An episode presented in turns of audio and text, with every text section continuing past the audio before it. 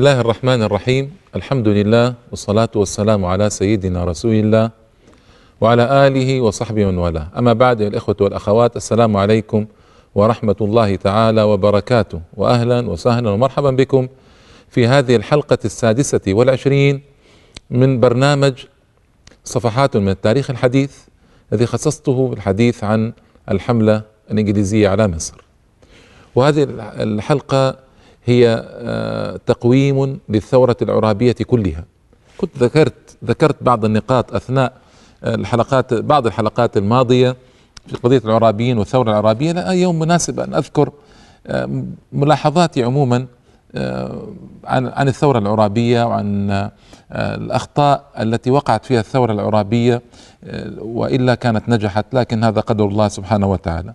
أولا لابد أن القول بأن الثورة العرابية هي الفرصة الكبرى كانت لبريطانيا من أجل احتلال مصر. بعض المؤرخين يقولون هي السبب احتلال مصر. لم تكن السبب. لأن العرابيين ما كان من يقفوا إلا الموقف الذي وقفوه لكن كانت الفرصة المواتية لبريطانيا في الاحتلال. أيضا عرابي شخص ظهر في وقت كانت الأمة بأمس الحاجة لشخص مثله. كان الشعب المصري متهيئا تماما لأن يتبع شخصا مثله. شخص من الناحيه العسكرية نصر الضباط المصريين الوطنيين كانوا يسمون آه، حقق العدل في الجيش وضع نظاما متميزا في الجيش في قضايا الترقية والرواتب وكذا يمتاز بالتساوي بين الضباط المصريين والضباط الشركس والارناؤوط والأتراك.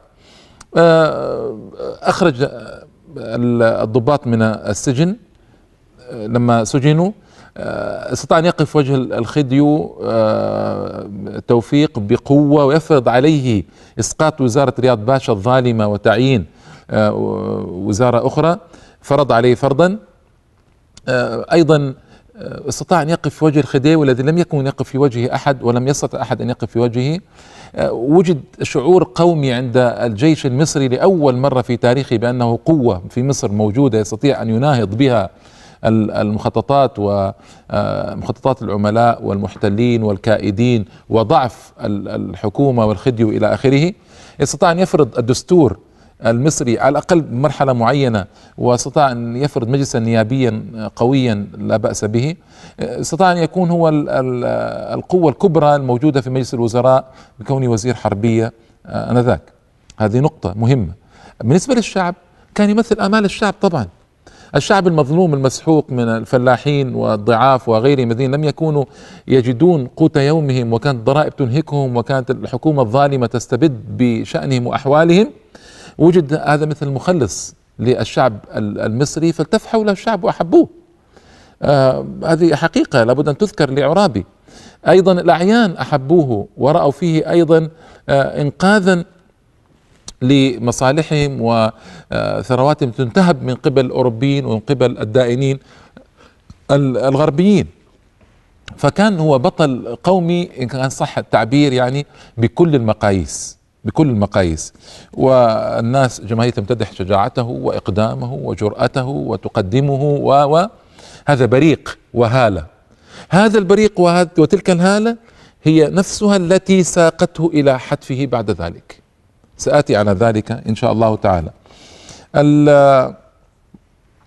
لقي عطفا وتأييدا حقيقة كبيرا في جميع طبقات المصريين. الرجل كان متحدثا بليغا فصيحا قوي العبارة جزلها رصينها فاستطاع فعلا أن يفعل أفاعيل بعواطف الشعب وعواطف الجيش. الإنجليز دفعوا دفعوا العرابيين دفعا للثورة يعني بدون أن يكونوا حقا كاملي الاستعداد لها. هذه أيضا حقيقة فيما قرأت عندما أقول حقيقة من وجهة نظري الشخصية وأتابع فيها أيضا عددا من المؤرخين. أنا ما أتيت بشيء يا إخوة مستقل تماما 100% أنا صحيح حضرت هذه الحلقات من كتب المؤرخين كان لي نظرة في بعضها وترجيح في بعضها الآخر لكن في النهاية هذا رأي كثير من المؤرخين أن ما كانت الثورة مستعدة وأن الإنجليز آه، خصوصا ومن ورائهم الأوروبيون دفعوا العرابيين دفعا إلى الثورة. ذلك أنه دفعوا أولا الخديو للاستبداد ودفعوه للظهور بمظهر الحاكم المطلق وهو ضعيف لا يقوى على هذا المظهر. هم يعرفون هذا. آه، عطلوا الحركة الدستورية. عطلوها. ووضعوا العراقيل أمامها. نشروا الدسائس بين الوزراء هذا الإنجليز كعادتهم. إيهام الخديو ومن معه توفيق بأن بأنهم معه وأنهم يشيرون عليه بالرأي الصائب وأنهم ضد العرابيين. وهذا صحيح لكن في الوقت نفسه كانوا يدفعون فيه الأمور نحو التأزم من جهة أخرى بالضغط على مصر من حكاية الدائنين وطلب الأموال المستمر. و يعني ترجيح مصلحة الأوروبيين في مصر على المصريين إلى آخره.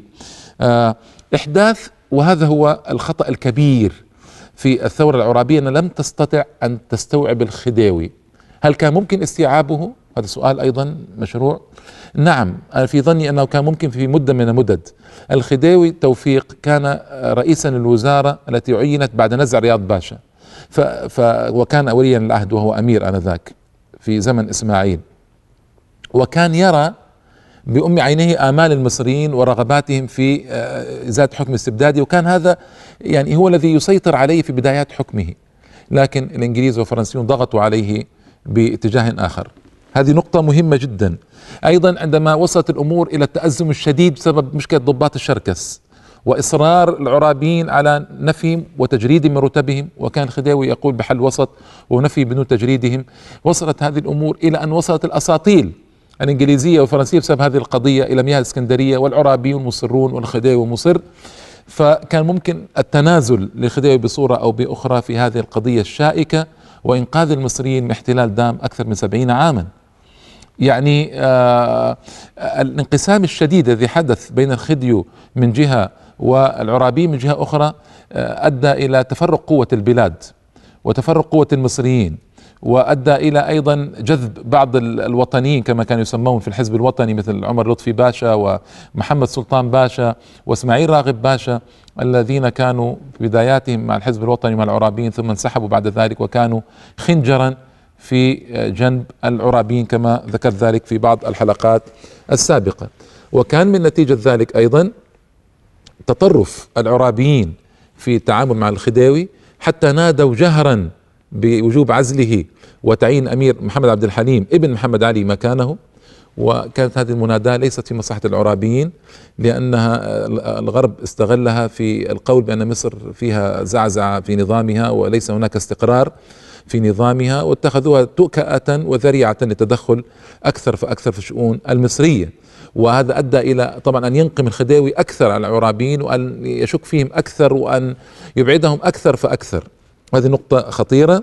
آه وأيضا أدى هذا بنقطة عكسية أن الخديوي تطرف أيضا في الارتماء في أحضان الإنجليز والفرنسيين ومعاداة شعبه ومعاداة العرابيين الذين كانوا في جملة وطنيين.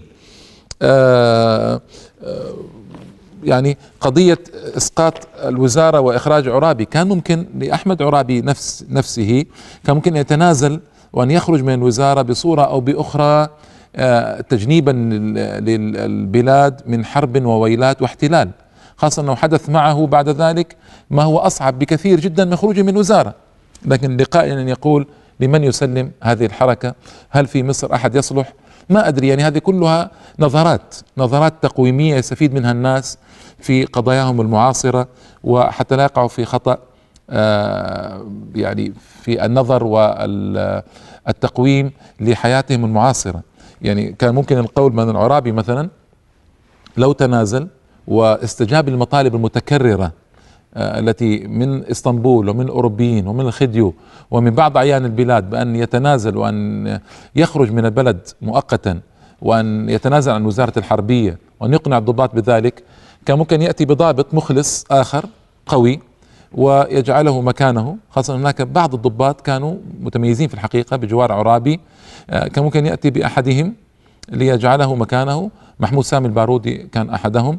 آه، عبد علي عبد العال آه، أو عبد العال عبد العال حلمي رفيقه كان أحدهم أيضا.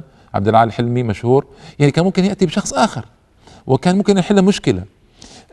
هذا هذه نظرتي ربما يخالفني فيها بعض المؤرخين بعض الساسة بعض يعني ربما يعني لأن الالتفاف الشعبي كان حول عرابي في الحقيقة. لم يكن حول آه، آه، عبد العال حلمي ولم يكن حول البارودي بصورة أو بأخرى. إنما حول عرابي فلو خرج عرابي ربما ذلك الالتفاف الشعبي آه، يتناقص أو يضعف فيسمح للغربيين ومعهم الخديوي بالاستفراد كما يقال بشؤون مصر. سلاح ذو حدين نظرة باعتبارين ما أدري يعني أتركها للتاريخ وأتركها لحكم التاريخ بعد ذلك. من من المؤكد أن العرابيين لم يكونوا يصدرون عن وعي كبير. يعني الوعي كان عندهم ضعيفا في الجملة سواء كان وعي بمؤامرات الأوروبيين في مصر أو مؤامرات الأوروبيين خارج مصر أو اجتماع الاسيتانا إسطنبول وما جرى فيه من مقررات أو الوعي بقدرة الشعب الحقيقية على أن يكونوا مع العرابيين في أوقات الأزمات. أو الوعي بأهمية آه، آه، تقوية الشعب وتسليح الشعب وتهيئة الشعب لما يستقبل من أحداث ضخمة. أو الوعي بأهمية استقطاب أكبر قدر ممكن من السياسيين يعني مثلا قضية شريف باشا. بعد أن كان أحد العرابيين الأقوياء صار ضدهم ضد العرابيين بسبب أن العرابيين سعوا إلى عزله والإتيان بمحمود سامي البارودي الذي لم يكن مهيئا في الحقيقة لأن يكون مثل شريف باشا محمود سامي البارودي رجل شاعر آه، أديب عسكري نعم لكن آه، السياسي كان شريف باشا و آه، يعني هذه نقطة مهمة. أيضا ضغطوا على شريف باشا ضغطا كبيرا جدا أن أنه لابد أن ينزل قضية الميزانية في مجلس الوزراء وفي مجلس النيابي. وكان شريف يرى تأخيرها قليلا حتى لا يستفز الأوروبيين فيقضوا على هذه الوزارة الناشئة الجديدة المتميزة ومجلس النيابي المتميز. ما وافق العرابيون على ذلك. آه، يعني جملة أمور كانت تدل بوضوح على ضعف الوعي عند العرابيين. أنا آسف أن أقول هذا لكن هذه الحقيقة. آه، عرابي رجل بطل من الأبطال نعده في الجملة بطل من الأبطال. آه، قوي جريء مجاهد شجاع كان يريد مصلحة المصريين ما في ذلك شك عندي لكن الوعي كان نسبيا كان ضعيفا عند العرابي خاصة وعند سائر العرابيين عامة وبعد الفاصل أتحدث إن شاء الله تعالى معكم في مزيد من النقد والتقويم للثورة العرابية.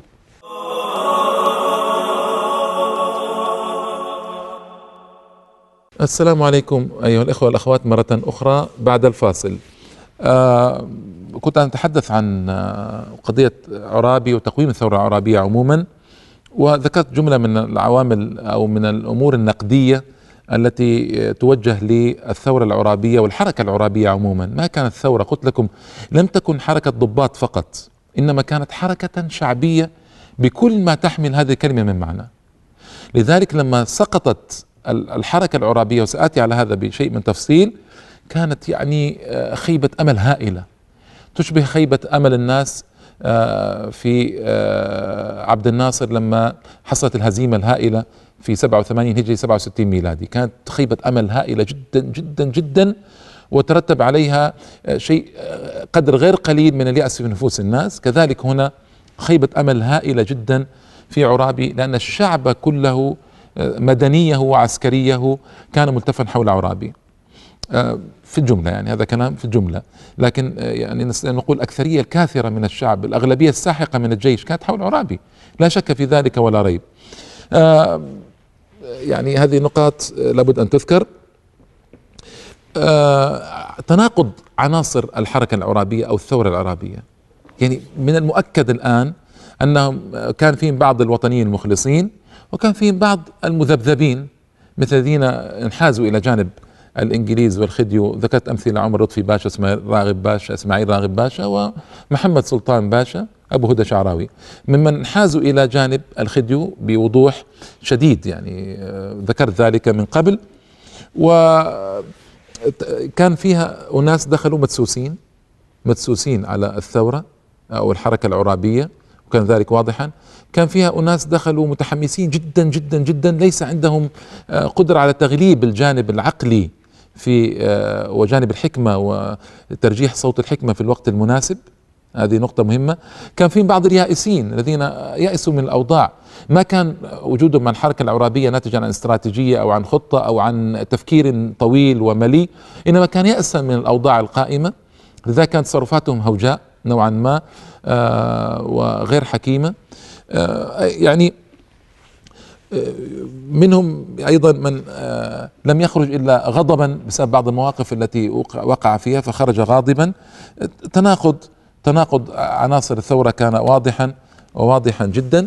آه، منهم من كان مندسا من قبل الإنجليز والفرنسيين ليزيد الحركة اشتعالا وليزيد الشقه بعدا بينه وبين بين عرابيين وبين الخديو.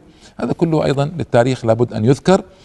آه أيضا ما بذلت الحركة العرابية ما كان ينبغي لها أن تبذل في آه، تهيئة الناس للمعركة القادمة وإعدادهم للمعركة القادمة. ما ما فعلوا ذلك؟ بوضوح تام وبالنظر إلى أحداث التي جرت. نعرف أن الشعب ما كان مهيئا للمنازلة والقتال مع الإنجليز المحتلين.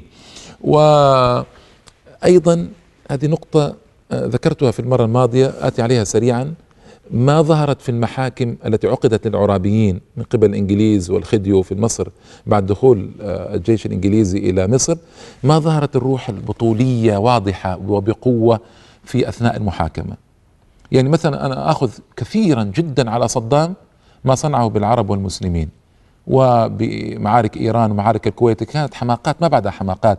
وجرت علينا ما جرت في الحقيقة ذلا وهوانا نجرعه إلى الآن وغصصا لكن في المعركة كان يعني في المحكمة كان صدام قويا. كان يدافع عن عما صنع. وبقوة يعني. على الأقل يعني بغض النظر عن تقويمي وأنا أرى أن الرجل كان طاغية كان صعبا كان ضد الإسلام في أكثر مراحل حياته وضد المسلمين الصالحين والدعاء ويفتك بالناس فتكا وكذا. لكن يعني على الأقل دافع عن ذلك في في المحكمة وكان قويا ظاهر القوة واستسلم لمصيره إلى أن سقط في حبل المشنقة. لكن هنا ما ظهر هذه ما ظهرت هذه الروح للأسف الشديد وبقوة ما ظهرت من جملة العرابين أتحدث أنا. ظهرت من شخص أو آخر أتحدث عن الجمله ما كانت واضحة في المحاكمات وكذا. يعني هذه أيضا للتاريخ يعني لابد أن تذكر. عبد الرحمن الرافعي المؤرخ المصري المشهور في الحقيقة آه، كان له قولة جيدة وجيدة جدا في في هذه النقطة. قال اعتدوا بقوة الجيش. العرابيين يعني اعتدوا بقوة الجيش. فتضاءل العامل الفكري والمعنوي في طوره الأخير يعني طور العرابي الأخير وخفت صوت الحكمة والتعقل.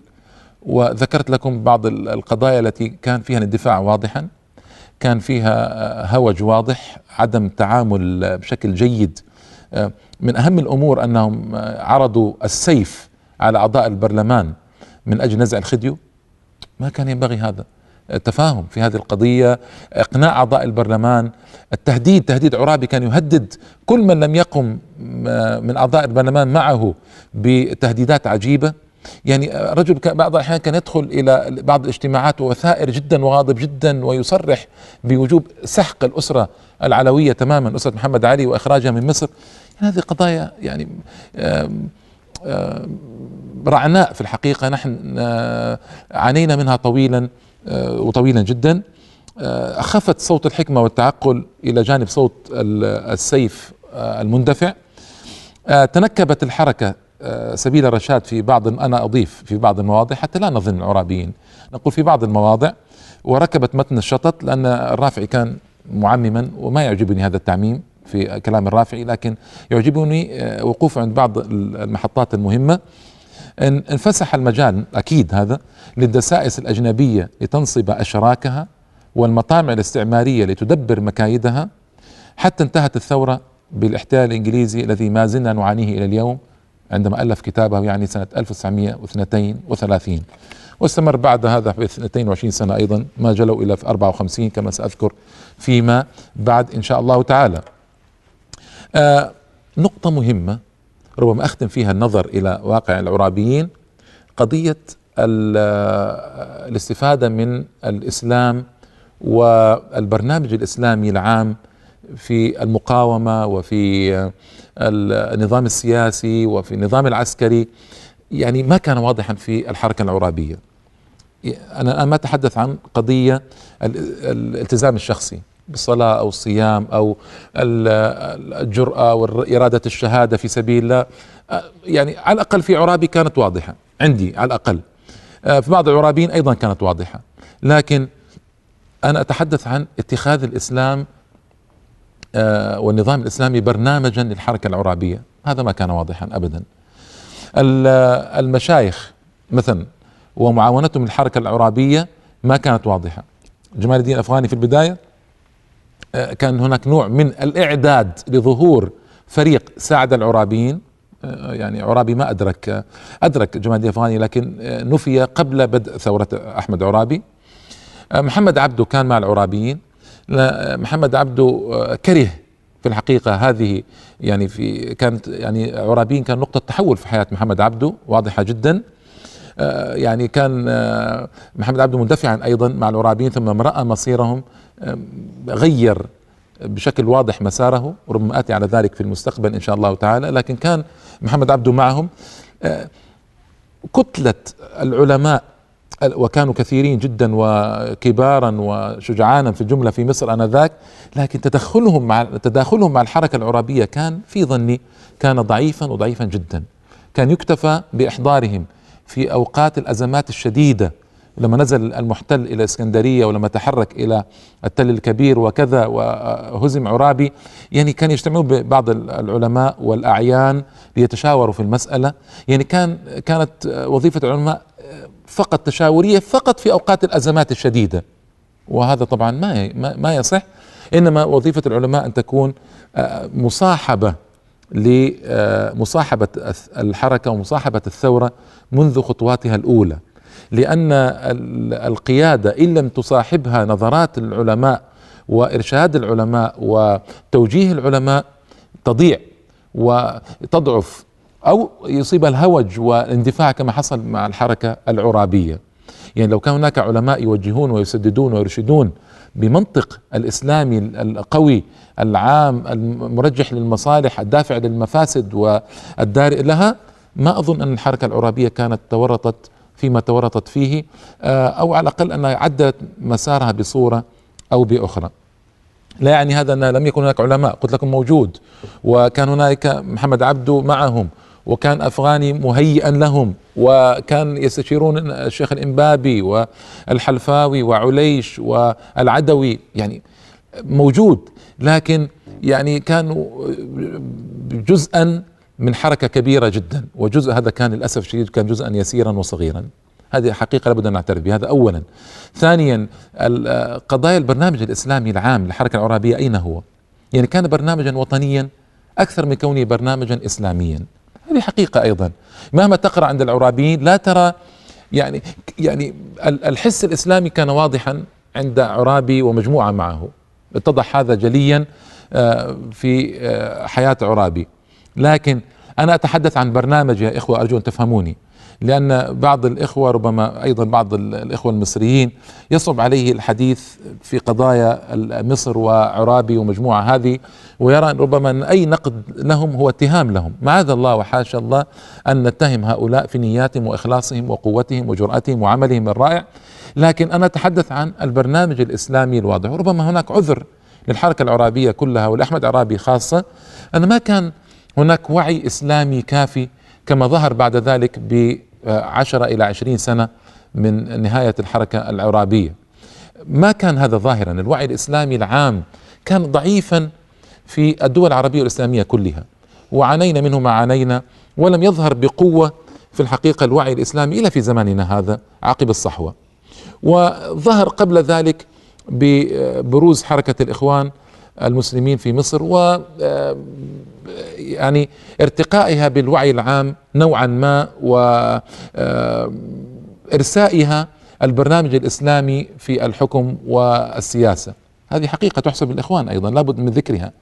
لكن ارتقاء نتكلم عن وعي الشعب العام بوجوب جعل الإسلام في كل شيء في كل جوانب الحياة ما ظهر واضحا إلا عقب الصحوة الإسلامية الأخيرة عقب حرب رمضان سنة 93 هجري 73 ميلادي. فاذا وفي الختام أقول الحركة العرابية كان لها إيجابيات رائعة جدا في مصر وتصدت في مرحلة خطيرة وحساسة جدا وقامت بواجبها وتصدرت لكن أيضا كان لها سلبيات لو عولجت في وقتها وزمانها لربما تغير التاريخ وهذا لا يمنع النهاية في النهاية أن أعجب بعرابي وحركته وجرأته وإقدامه في وقت قعد فيه الكثيرون وضعف فيه الكثيرون ولم يعمل فيه الكثيرون واستسلموا لقدرهم وفي مهانة وذل. هذا الرجل قام وكان شجاعا جريئا وحرك طبقات كبيرة من الشعب المصري وكان له إيجابيات واضحة. ذكرتها في ثنايا حلقات سابقة. آه، أختم بهذا. وأسأل الله تبارك وتعالى أن يبرم لهذه الأمة أمر رشد. يعز فيها يعز فيه أهل طاعته ويذل فيه أهل معصيته ويؤمر فيه بالمعروف وينهى فيه عن المنكر. إنه ولي ذلك والقادر عليه. وإلى اللقاء. والسلام عليكم ورحمة الله تعالى وبركاته.